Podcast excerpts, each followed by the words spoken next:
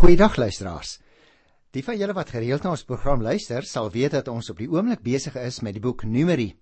Ek het al van tevore gesê dat die boek eintlik in 3 hoofdele ingedeel kan word. Die eerste afdeling het ons klaar gedoen. Dit het gehandel van hoofstuk 1 uh by die eerste vers natuurlik tot aan die einde van hoofstuk 10 en dit het uh spesifiek gehandel oor die voorbereiding vir die woestynreis. En toe het ons begin met die tweede groot afdeling wat strek van hoofstuk 10 vers 11 tot by hoofstuk 25 vers 18. En dit handel dan oor die reis deur die woestyn uh in verskillende afdelingkies ingedeel. En dan gaan ons eers later by die derde groot deel kom. Nou, ons is by 'n baie interessante gedeelte vandag waar ons by hoofstuk 11 gaan begin. En dit is natuurlik nou 'n onderafdeling van hierdie reis deur die woestyn. En dis eintlik 'n baie lang afdeling, hoofstuk 11 vers 1, wat gaan strek oor 10 hele hoofstukke tot by hoofstuk 20 vers 29. En as ek oor daardie 10 hoofstukke 'n opskrif boon moes skryf, dan sou ek sê dit handel hier oor herhaaldelike opstand en straf. Nou luisteraars, dit klink miskien vir jou en vir my baie erg vandag as ons dit lees. Maar weet jy, ek wil graag vir jou sê, Ek lees daarin so baie van jou en my as gelowiges se Christelike lewe elke dag. Want eh, terwyl ons dit nie altyd raak sien nie, word baie van dit wat ons hier in Hosea 11 tot Hosea 20 lees oor die opstand van die volk eintlik ook in jou en in my lewe gesien elke dag. Want to, uh, terwyl die Here vir ons so geweldig oorweldigend goed is elke dag vir ons sorg tot in die fynste detail na ons daaglikse behoeftes omsien is ons dikwels so ontevrede. Ek wil eintlik vir jou vra is dit nie van jou ook waar nie want in my eie lewe moet ek vir jou sê die grafiek gaan op en af op en af. Soms meer as een keer op en af op 'n spesifieke dag. Want terwyl die Here vir my goed is is ek dikwels so ontevrede. Nou as 'n mens nou kyk hier na Numeri 11, dan sal jy sien in die Afrikaanse Bybel is die opskrif Tabera vuur brand onder die volk. Nou wil ek net eers 'n algemene opmerking maak oor hierdie 10 hoofstukke wat ek nou net gesê het, uh wat ons nou gaan bestryk in die volgende paar programme. Want jy sien in hierdie gedeelte word vertel hoe Israel herhaaldelik in opstand gekom het, net soos jy en ek, wat ek ook probeer verduidelik het nou net. 'n hele reeks insidente volg in hierdie 10 hoofstukke vinnig op mekaar waarin die Israeliete elke keer in opstand kom teen God. Kan jy dit glo? Elke keer word God weer en weer met hulle versoen. Maar elke keer gaan daar al meer mense dood en begin die generasie wat van Sinaï af wegtrek geleidelik uitsterf. En dis 'n baie belangrike opmerking. Ek gaan nog later weer daarna toe terugkom. Nou kom ek maak dan net eers 'n paar inleidende opmerkingies oor hierdie eerste 3 verse. En dan gaan ek dit in groter detail behandel en ook bespreek. In watter opsig dit sleg gegaan het met die volk en wat die vuur was waarvan ons nou net gaan lees wat onder die volk uitgebreek het, word nie hier verduidelik nie. Die kern van die saak wat ons nou gaan lees, is egter duidelik. Die volk het teen God in opstand gekom en dit het hulle op die lange duur baie baie suur bekom. Jy sien die sentrale gedeelte van hierdie groot gedeelte waarmee ons besig is, naamlik opstand, kom nou eintlik vir die eerste keer aan die orde. En die opstand waarvan ons nou net hier gaan lees in Tabera, staan dan ook in baie skerp teenstelling met die Israeliete se vroeëre gewilligheid om alles wat die Here hulle beveel het te gehoorsaam. Dis is al herhaaldelik vir ons beskrywe. En nou kom hier 'n ander faset na vore, naamlik hierdie voortdurende opstand wat hom gaan herhaal keer op keer ten spyte van die goedheid van die Here. Kom ons begin dan dadelik by die eerste vers. Dit het sleg gegaan met die volk lees ons hier en hulle die Here daaroor verwyd. Kan jy dit glo? Toe die Here dit hoor, het hy kwaad geword en vuur onder hulle gestuur. Dit het 'n deel van die kamp verbrand. Nou luisteraars, ek wil hierdie eerste 3 versies so stukkie vir stukkie behandel want ons kry hier 'n hele klomp inligting. Jy sien, Waar hierdie gebeure presies afgespeel het, weet ons nie regtig meer nie, want ons weet nie waar Tabera uh, regtig geleë was nie. Ook hier kom die vraag nou na vore: Hoekom het dit dan nou so sleg gegaan met die volk? En dit word nie direk beantwoord nie. Moontlik het dit verband gehou met die ongerief en die ontberings in die woestyn. Wat wel baie pertinent vir ons gesê word, is dat hulle die Here daaroor verwyd het. 'n Mens kan dit amper nie glo nie. Die woord wat uit die Hebreëse taal met verwyd vertaal is, kom nog slegs in die boek Klaagliedere voor, waar dit ook kla kan beteken. Gaan kyk maar gerus in Klaagliedere 3 by vers 39. En dit is ook nie vir ons duidelik of ons met die volk moet verstaan dat almal of slegs 'n groep uit die Israeliete die Here verwyd het nie. Hoe dit ook al sê, die Here het kwaad geword. Letterlik staan daar in die Hebreëse taal sy neus het rooi geword. Hy kan immers hoor staan daar in teenstelling met die afgode wat natuurlik nie kan hoor nie. Gevolglik stuur die Here nou 'n vuur wat 'n deel van die kamp verbrand. Nie die hele kamp is verbrand nie, net 'n deel van die kamp. Nou weer eens luisteraar, wat presies met vuur bedoel word is ook vir ons onseker. Maar daar kan moontlik aan 'n bliksemstraal gedink word. Gaan kyk maar, 'n mens kry so 'n voorbeeld ook daar in 2 Konings 1 by vers 10 en 12. Die werklike vuur in die kamp is dus deel van die Here se woede oor al hulle verwyte wat hulle in sy rigting slinger. Hy was immers net genadig teenoor hulle. En daarom weer eens word sy genade ook op hierdie punt waar hulle so ontevrede is uh, beskrywe want net 'n deel van die kamp word verbrand. Maar luister nou na die tweede vers. Die volk het hulle nood by Moses bekla en hy het tot die Here gebid en die vuur het dood gegaan. Let nou weer eens op. Die volk staan daar bekla hulle nood by Moses. Letterlik Hulle het om hulp geroep. Hulle skreeu tot Moses, staan daar in Hebreëse taal. Nou het hulle werklik rede om te skreeu of te kla hoor. Vir die uitdrukking hy het tot die Here gebid. Uh kan 'n mens verskillende gedeeltes gaan kyk wat ons alreeds behandel het en wat ook nog gaan voorlê want in Hosea 12 vers 13 byvoorbeeld gaan ons kry Hosea 14 vers 13 tot 19 gaan ons dit ook nog kry in 'n hele paar ander gedeeltes. Moses se intrede vir hulle by die Here lei dan daartoe dat die vuur doodgaan. Wanneer sy mense 'n werklike rede het om te kla, hoef hulle nooit te vergeefs tot die Here te roep nie. En is met jou en met my ook so hoor. Want ons program se naam is immers die Bybel vir vandag. En daarom kan ons elke keer weer wanneer ons self ontevrede is, selfs in opstand kom teen die Here van tyd tot tyd met al ons ontevredenheid, kan ons elke keer weer na die Here toe terugkom en hy wil ons in sy groot wye genade tegemoetkom. Is dit nie 'n wonderlike wonderlike boodskap wat die Bybel dra nie? Want jy sien, ook van hierdie opstand sou Tabera 'n baie besondere teken wees. Kyk na vers 3. Hulle die plek Tabera genoem omdat die vuur van die Here onder hulle gebrand het. Ek wil graag hierdie opmerkingie maak en dalk het jy nog nooit die woordjie etiologies in Afrikaans gehoor nie. Want die naam Tabra is wat ons in Afrikaans noem etiologies. Dit wil sê dit wil 'n verklaring bied vir die naam van 'n bepaalde plek of persoon. Dit beteken naamlik brandplek. En dit word ook nog net in Deuteronomium 9 vers 22 in die Bybel genoem. Die ligging het ek net nou al vir jou gesê van die plek Tabra is vir ons heeltemal onbekend.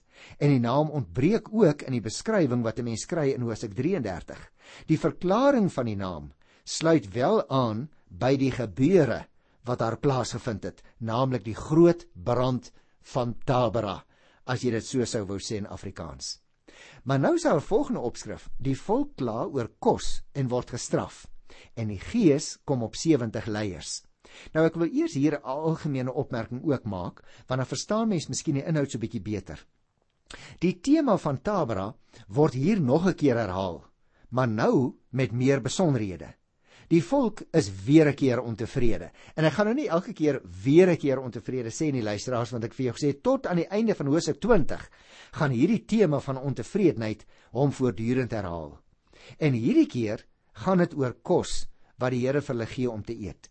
Hulle wil vleis hê om te eet. Hulle is nie meer tevrede om net die manna te eet wat die Here elke dag vir hulle voorsien nie. Hulle verwyd die Here selfs in die 20ste vers omdat hy hulle uit Egipte land uitgelei het. My liewe aarde, kan jy dit glo? Na 400 jaar se verdrukking is hulle ontevrede. Ek wil vir jou sê, ons wat nou al eh, ook amper 400 jaar in hierdie land woon wat die Here vir ons geplaas het. Kyk net hoe dikwels is ons ontevrede oor wat ons hier ervaar. Daarom sê ek vir jou, baie van die situasie wat jy en ek onsself in bevind, nie net in die land nie, maar in ons persoonlike lewens, word weerkaats in hierdie boek Numeri. Nou, net soos die vorige keer, lok hierdie blaatante opstand teen God sy reaksie uit en hy word kwaad vir die volk. Die Here gee hulle die vleis wat hulle vra, maar op so 'n manier dat hulle deur hulle gulsigheid hulle aan die vleis van die kwartels te buite gegaan het en 'n hele aantal van hulle het dood gegaan. Ook hier by Kibrot Ta'ava waar dit gebeur het, kry Israel nou spreekwoordelik sla met die lat wat hulle vir hulself gepluk het want hulle het te veel geëet. Hulle het hulle, ekskuus vir die woord, hulle het hulle ooreet aan wat die Here vir hulle gegee het. En terwyl die volk dan hulle eie ondergang in 'n sekere sin bewerkstellig het, het Moses sy lot weer eens by die Here gaan bekla. Dis vir hom onmoontlik om sulke opstandige mense alleen te kan baartig. Die Here luister na hom. Hy laat dan sy gees op die 70 leiers kom en daaroor gaan ek dan net nou so 'n bietjie met jou gesels. So kom ons kyk na hierdie verse wat ons nou voor ons het. Luister na vers 4. Die mense van ander afkoms wat saam met die Israeliete getrek het, het 'n onweerstaanbare lus vir vleis gekry. En toe het hulle die Israeliete self ook begin kla en gesê: "As ons tog net vleis gehad het om te eet." Nou luisteraars, hier staan 'n interessante ding want hier word verwys na die mense van ander afkoms. Ons kry dieselfde verwysing ook in ander gedeeltes. Byvoorbeeld in Hosea 9 vers 14 het ons dit gekry, ook in Hosea 10 vers 29. Ons het dit selfs gekry destyds in Eksodus 12 vers 38. En toe het ek al verduidelik dat dit 'n aanduiding daarvan is dat dit nie net Israeliete is wat weggetrek het uit Egipte land nie. Daar was ook mense wat hulle geassosieer het met die Israeliete. Ander mense wat waarskynlik ook swaar gekry het in Egipte land en wat dus saam met die Israeliete uit die land weggetrek het. Nou dit blyk dus dat hierdie mense hulle eie vee waarvan Eksodus 12 vers 32 en vers 38 ook melding maak, nie as slagvee gebruik het nie. Waarom weet ons nie? Hulle klag val verder vreemd op omdat vleis eerder 'n luukse was by die maaltyd van oud Israel as 'n vaste item daarvan. Met ander woorde, dit was nie gereeld deel van hulle maaltyd nie. En tweedens, hulle het nie hulle eie vee geslag nie en nou kla hulle oor vleis. Hier was daar ook geen sprake van enige gebrek aan vleis nie. Dus moet die klag liewer gesien word as 'n stuk uitdaging wat hulle tot die Here en tot Moses rig. Hulle klag het aansteeklik ingewerk op die Israeliete wat hoe self ook begin kla het sê die 4de vers. Maar kyk toe wat gebeur in vers 5. Ons onthou nog die vis wat ons in Egipte verniet kon eet. Ook die komkommers, waterlemoene, prei, uie en knoffel. Jy sien nou brei hulle sommer hulle klag uit. Wanneer hulle terugdink aan die oorvloed in Egipte land, tref dit 'n mens dat hulle glad nie vleis, juis dit waaroor hulle nou gekla het, noem nie. Vis uit die Nyl was daar wel volop destyds in Egipte land. Gaan kyk maar in Eksodus 7 by vers 21. Nou ook hier later in hoofstuk 16 van Numeri by vers 13 word die slawe verblyf in Egipte eensklaps geïdealiseer. kan jy jou voorstel, daar het so baie gekla en nou verlang hulle daarna. Dis asof hulle dit romantiseer en idealiseer asof dit wonderlik was in Egipte. Luister na vers 6. Maar nou wurg ons gaan hulle voort. Daar's niks behalwe hierdie manna voor ons om te eet nie. Kan jy jou voorstel dat hulle so ontevrede is? Manna het ons uh, al van tevore bespreek en dit is beskou as 'n gawe van die Here. Die Here se gawe word nou geminag en die goeie van Egipte word skielik breed uitgemeet. En dit nogal deur mense wat net 'n bietjie langer as 'n jaar van tevore uit daai stelle Egipte land verlos is. In Hosea 21 vers 5 word selfs van die slegte kos gepraat, maar ons gaan nog daarby kom. Nou goed, kom ons lees van vers 7 af. Die manna was soos koljannesaad en dit het, het gelyk soos balsamgom. Die volk en die manna oral vandaan bymekaar gemaak. Dit op maalklippe gemaal, uh of dit ook in vysels gestamp staan hier en dan in panne gebak of roosterkoeke daarvan gemaak. Dit het soos oliekoeke gesmaak. Die manna het snags saam met die dou by die kamp geval. Nou die beskrywing van die manna kom nou hier in breë trekke ooreen met dit wat ons daar in Eksodus 16 gekry het. Miskien kan jy weer daarna toe terugblaai as jy wil. Maar nou interessant, koljandersaad is as 'n soort spesery gebruik en dit word nou hier spesifiek genoem. Nou die smaak van die manna was soos oliekoeke of soos heuningkoek. Lees 'n mens ook in Eksodus 16 by die 31ste vers. Interessant dat ons lees vir die manna het snags saam met die dou geval. Hoewel ons is hier met 'n gewone natuurverskynsel te maak het wat vandag nog onder meer in veral Libanon gesien kan word, moet dit in hierdie omstandighede in die groot hoeveelheid uh wat dit uh neergeval het uh in die woestyn op hierdie stadium moet 'n mens daaraan kennis uh daarvan kennis neem. Nou luisteraars, ek het nou net so 'n stukkie hiervan hoofstuk 11 gelees omdat ek voortaan elke keer twee hoofstukke behandel. So ek wil vra dat jy nou self hierdie hoofstuk sal deurgaan en jy sal sien hoe dat verskillende goed genoem word en hoe hierdie mense se ontevredenheid met die Here eenvoudig 'n mens verbuister. Maar nou kom ons by 'n volgende aspek hier in die 12de hoofstuk. Miriam en Aaron het naamlik ontevrede geraak en in opstand gekom. Nou uh, ek wil ook weer net eers 'n paar breë opmerkingies maak. Want Miriam en Aaron het of na Sipora, Moses se vrou verwys of na Moses se tweede vrou. Dit was egter 'n bloot 'n rookskerm vir hulle afguns op hulle broer.